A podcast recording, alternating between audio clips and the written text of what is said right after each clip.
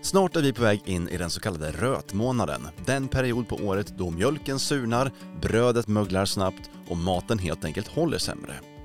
Och att maten snabbt blir dålig innebär både att vi slänger mer mat än annars, men också att risken för matförgiftning ökar. Så även om hamburgare, grillad kyckling, sallad och färska bär är givna inslag på många svenskars matbord under semestern så är det viktigt att sommarklassikerna hanteras rätt. Så vad är egentligen hållbar livsmedelshantering under rötmånaden? Vad kan vi göra för att undvika onödigt svinn och samtidigt undvika matförgiftning? Jag heter Håkan Montelius och det här är podden Landet, en podd från Landsbygdsnätverket.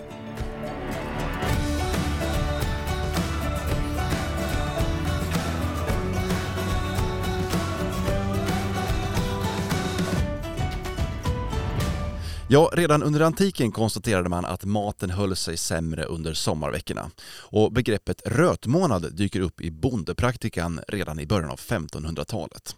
Och i det gamla bondesamhället var det kanske både viktigare och svårare att hantera och förvara maten på rätt sätt.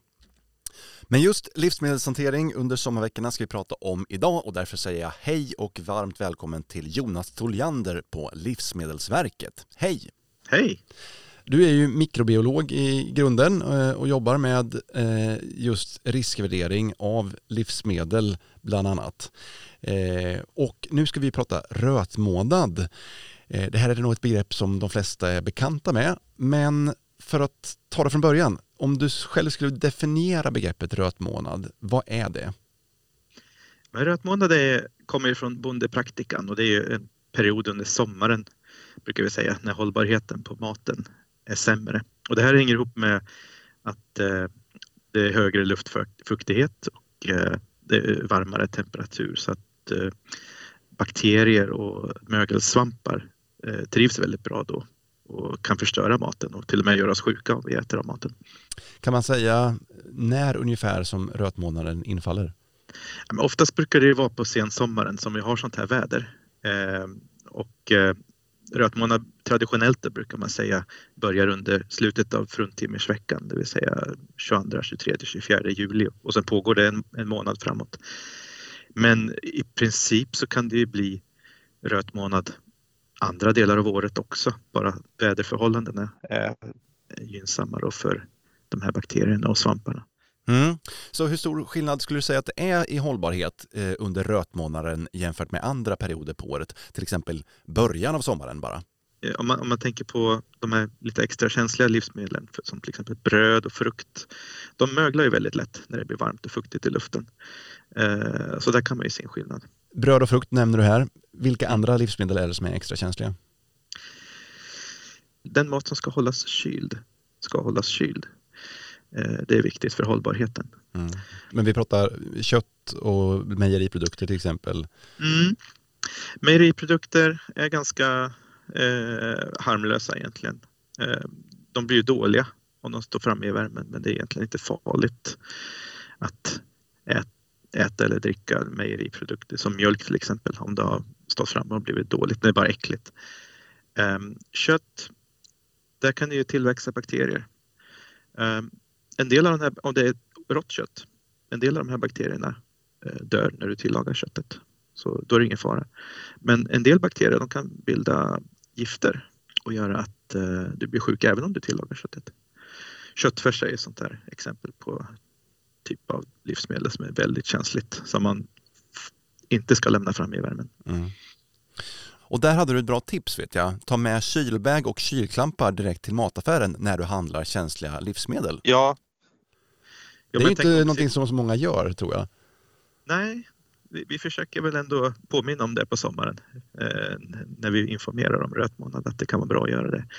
Och just liksom hålla den här kylkedjan obruten hela tiden. Att, eh, egentligen att eh, ja, från affär till kylskåp att hålla maten kyld. Mm. Eh, hela tiden om det är möjligt. Men hur känsligt är det där då, tänker jag? Alltså, när man åker och handlar så brukar det vara en, en ganska kort bilresa innan man stoppar in köttfärsen i kyl igen. igen. Eh, är det känsligt? Ja, men du vet ju hur, hur varmt det kan bli i bilen på sommaren. Det är varmt väldigt fort.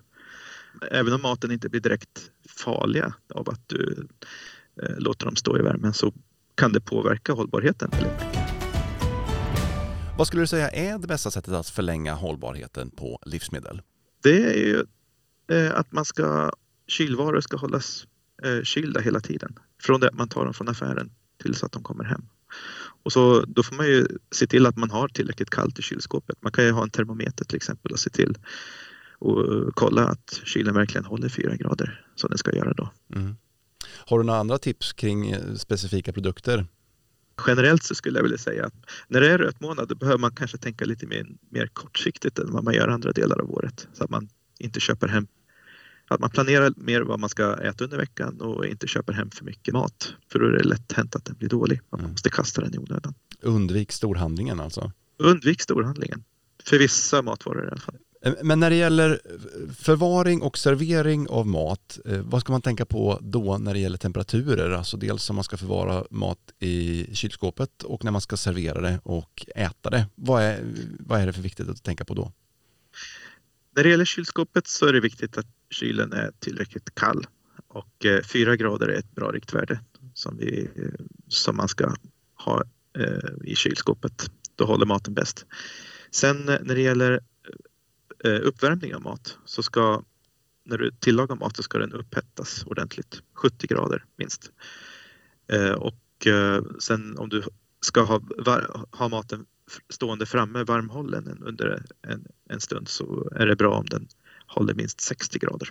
För det som kan hända annars är att det kan finnas bakterier i maten och eh, eh, de här bakterierna kan börja tillväxa och bilda gifter i maten om det är lite halvljummet sådär. Mm. Hur är det då med köttbitar? Eh, många vill ju kanske ha sin eh, stek lite röd eller rosa i mitten och då kanske vi pratar temperaturer på 55 grader. Är det okej? Okay? Ja, men om det är en köttbit, då finns ju bakterierna på utsidan av den köttbiten. Och då är det viktigast att man, man eh, tillagar den så att på, på ytorna av köttbiten så att bakterierna försvinner. Och sen kan köttet vara rött inuti. Däremot när det gäller köttfärs, hamburgare och liknande, då är det viktigt att att genomsteka hela. När vi pratar livsmedel, eh, vilka livsmedel är det viktigast att man är lite uppmärksam på och noggrann med hanteringen av?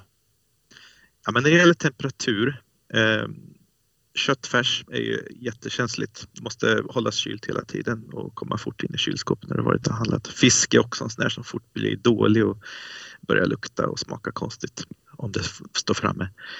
Men annars så skulle jag akta mig för en eh, lite halvljummen sommarbuffé som har stått framme för länge.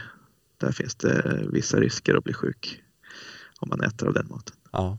Kyckling, är det känsligare på sommaren? Ehm, känsligt på så sätt att eh, ja, det kan finnas, eh, det finns en bakterie som heter Campylobacter som finns på kyckling ibland. Eh, och den bakterien blir vanligare på sommaren helt enkelt på grund av att den trivs när det är varmt.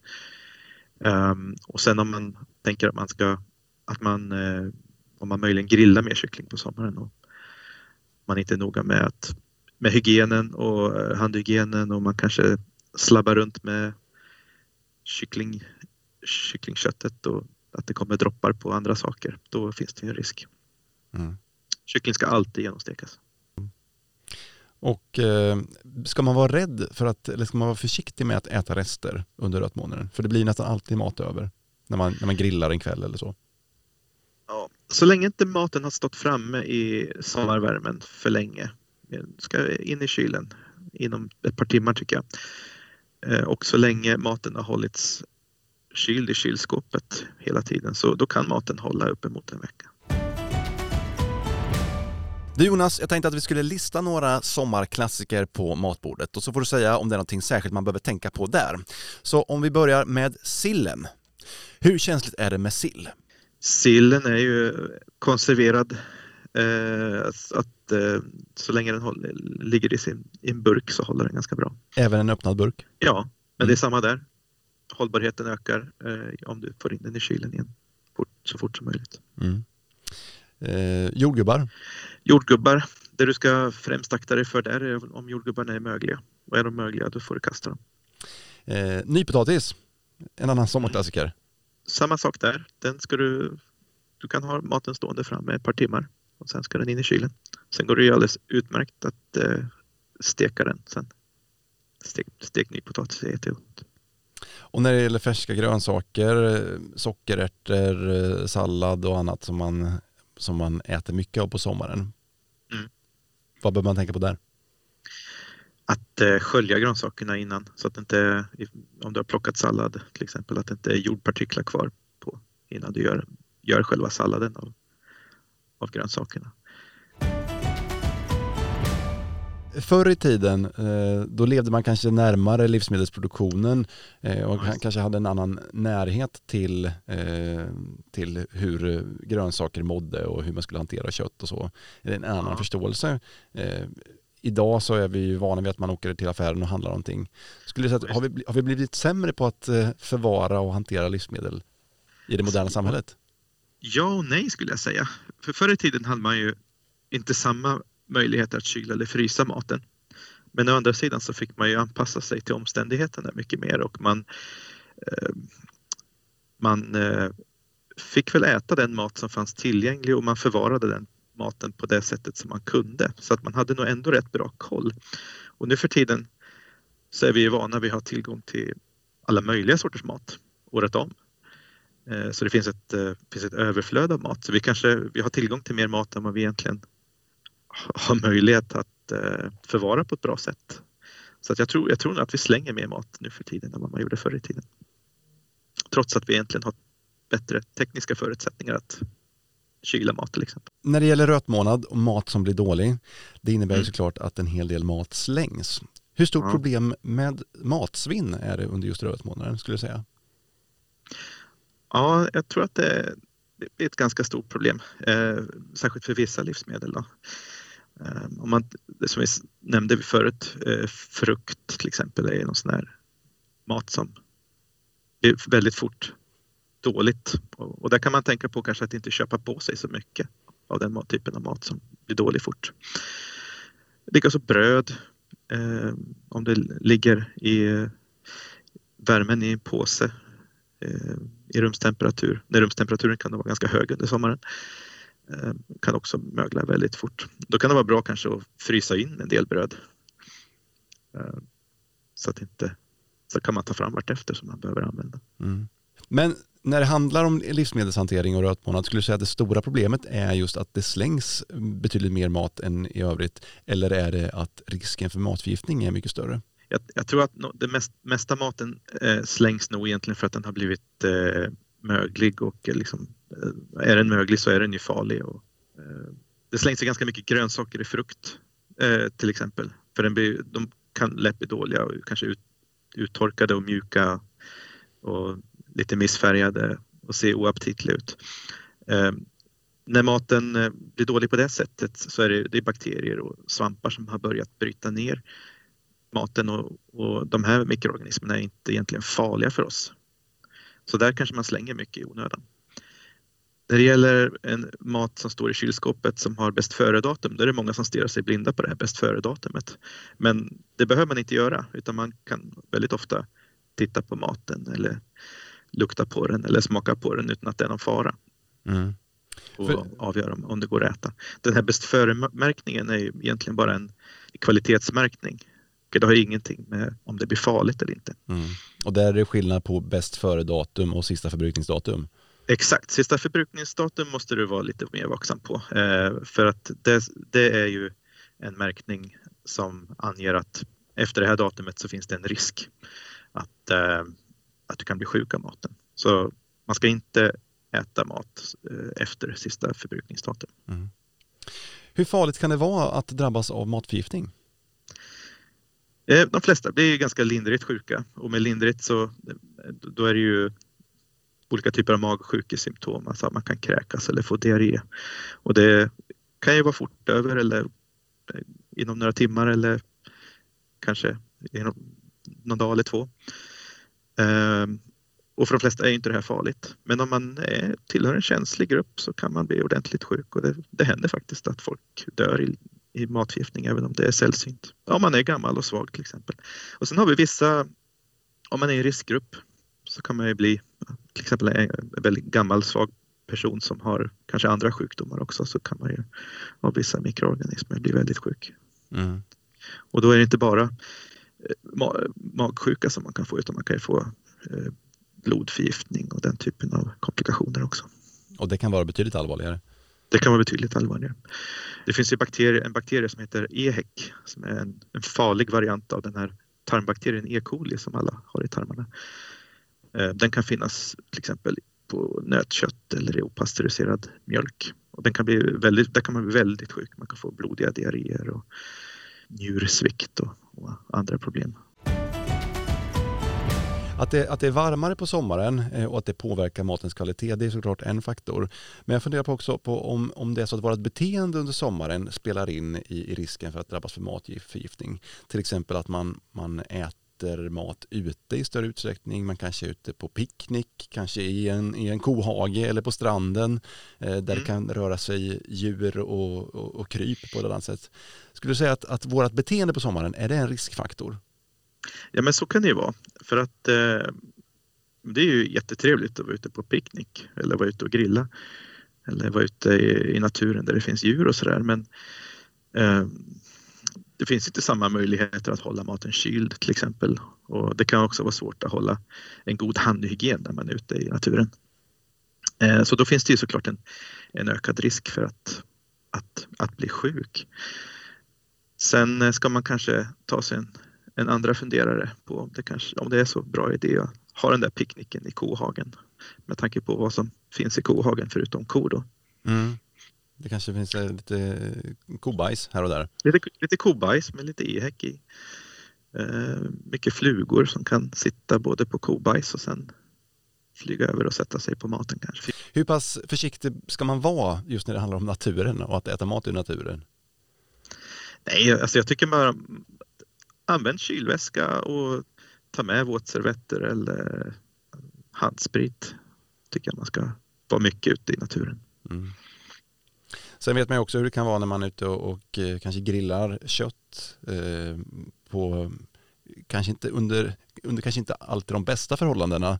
Eh, att den där köttbiten kanske inte blir helt genomgrillad eller eh, hamburgaren är lite halvrå i mitten. Eh, kan det vara en anledning till att man också upplever fler matförgiftningsfall på sommaren. Ja. Att man slarvar med det... matlagningen helt enkelt. Det kan det vara.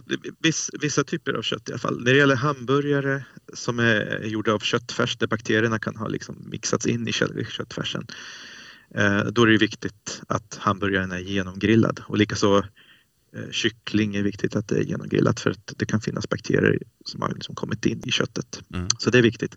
Sen är det viktigt att, att, komma ihåg att, att man använder olika redskap, uppläggningsfat till det råa köttet eh, än till det tillagade köttet och den andra maten. Mm. Så man inte smittar ner det som är tillagat redan. God handhygien är såklart viktig också om man vill undvika matförgiftning och det gäller generellt när man ska hantera livsmedel, tvätta händerna. Men då blir jag lite nyfiken Jonas, eh, det är inte så att ni har sett någon coronaeffekt här eh, när det handlar om matförgiftningar? Att eh, nu under pandemitider så har man färre fall av matförgiftningar för att vi helt enkelt är bättre på att tvätta händerna? Jo, men det är vi ju. Eh, och det verkar ju faktiskt som att åtminstone rapporterade matförgiftningar har faktiskt eh, nästan halverats under pandemin. Så det är ju en väldigt kraftig minskning av matförgiftningar. Se där. Och det, och det här kan bero på eh, många olika orsaker.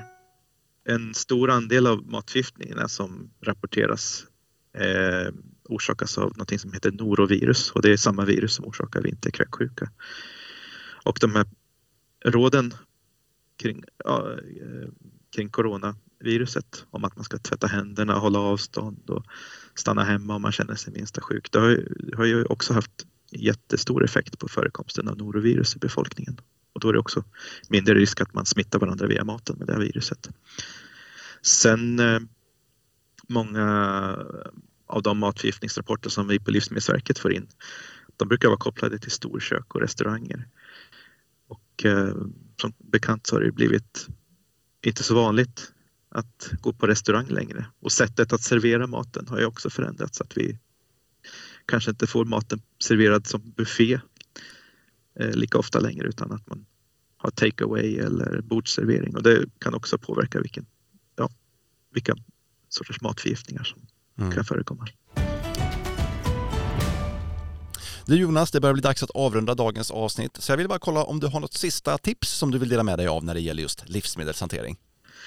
Ja, för att inte behöva slänga så mycket mat kanske. Um, om du ska göra köttfärssås till exempel eller lasagnefyllning. När jag gör det så brukar jag ha i en ganska stor andel grönsaker i den här såsen. Och det gör ingenting om, om, om eh, grönsakerna är lite, lite mjuka eller lite missfärgade. Man kan ju ta bort det missfärgade om man ändå ska riva ner och koka de här grönsakerna i såsen. Så det brukar jag göra istället för att slänga grönsaker i onödan. Du Jonas Toliander, jättemånga konkreta tips här. Tack så jättemycket för dem. Tack, tack. Hur ska du själv spendera din rötmånad? jag tror jag kommer spendera den på, delvis på jobbet och svara på frågor om rötmånad. Ja, och det vet vi att du är bra på. Ja. Återigen, stort tack för att du var med i podden Landet och ha en trevlig sommar. Tack detsamma. Podden Landet produceras av Landsbygdsnätverket, producent Ingrid Whitelock. Jag heter Håkan Montelius och vi hörs igen i nästa avsnitt. Tack och hej och trevlig rötmånad!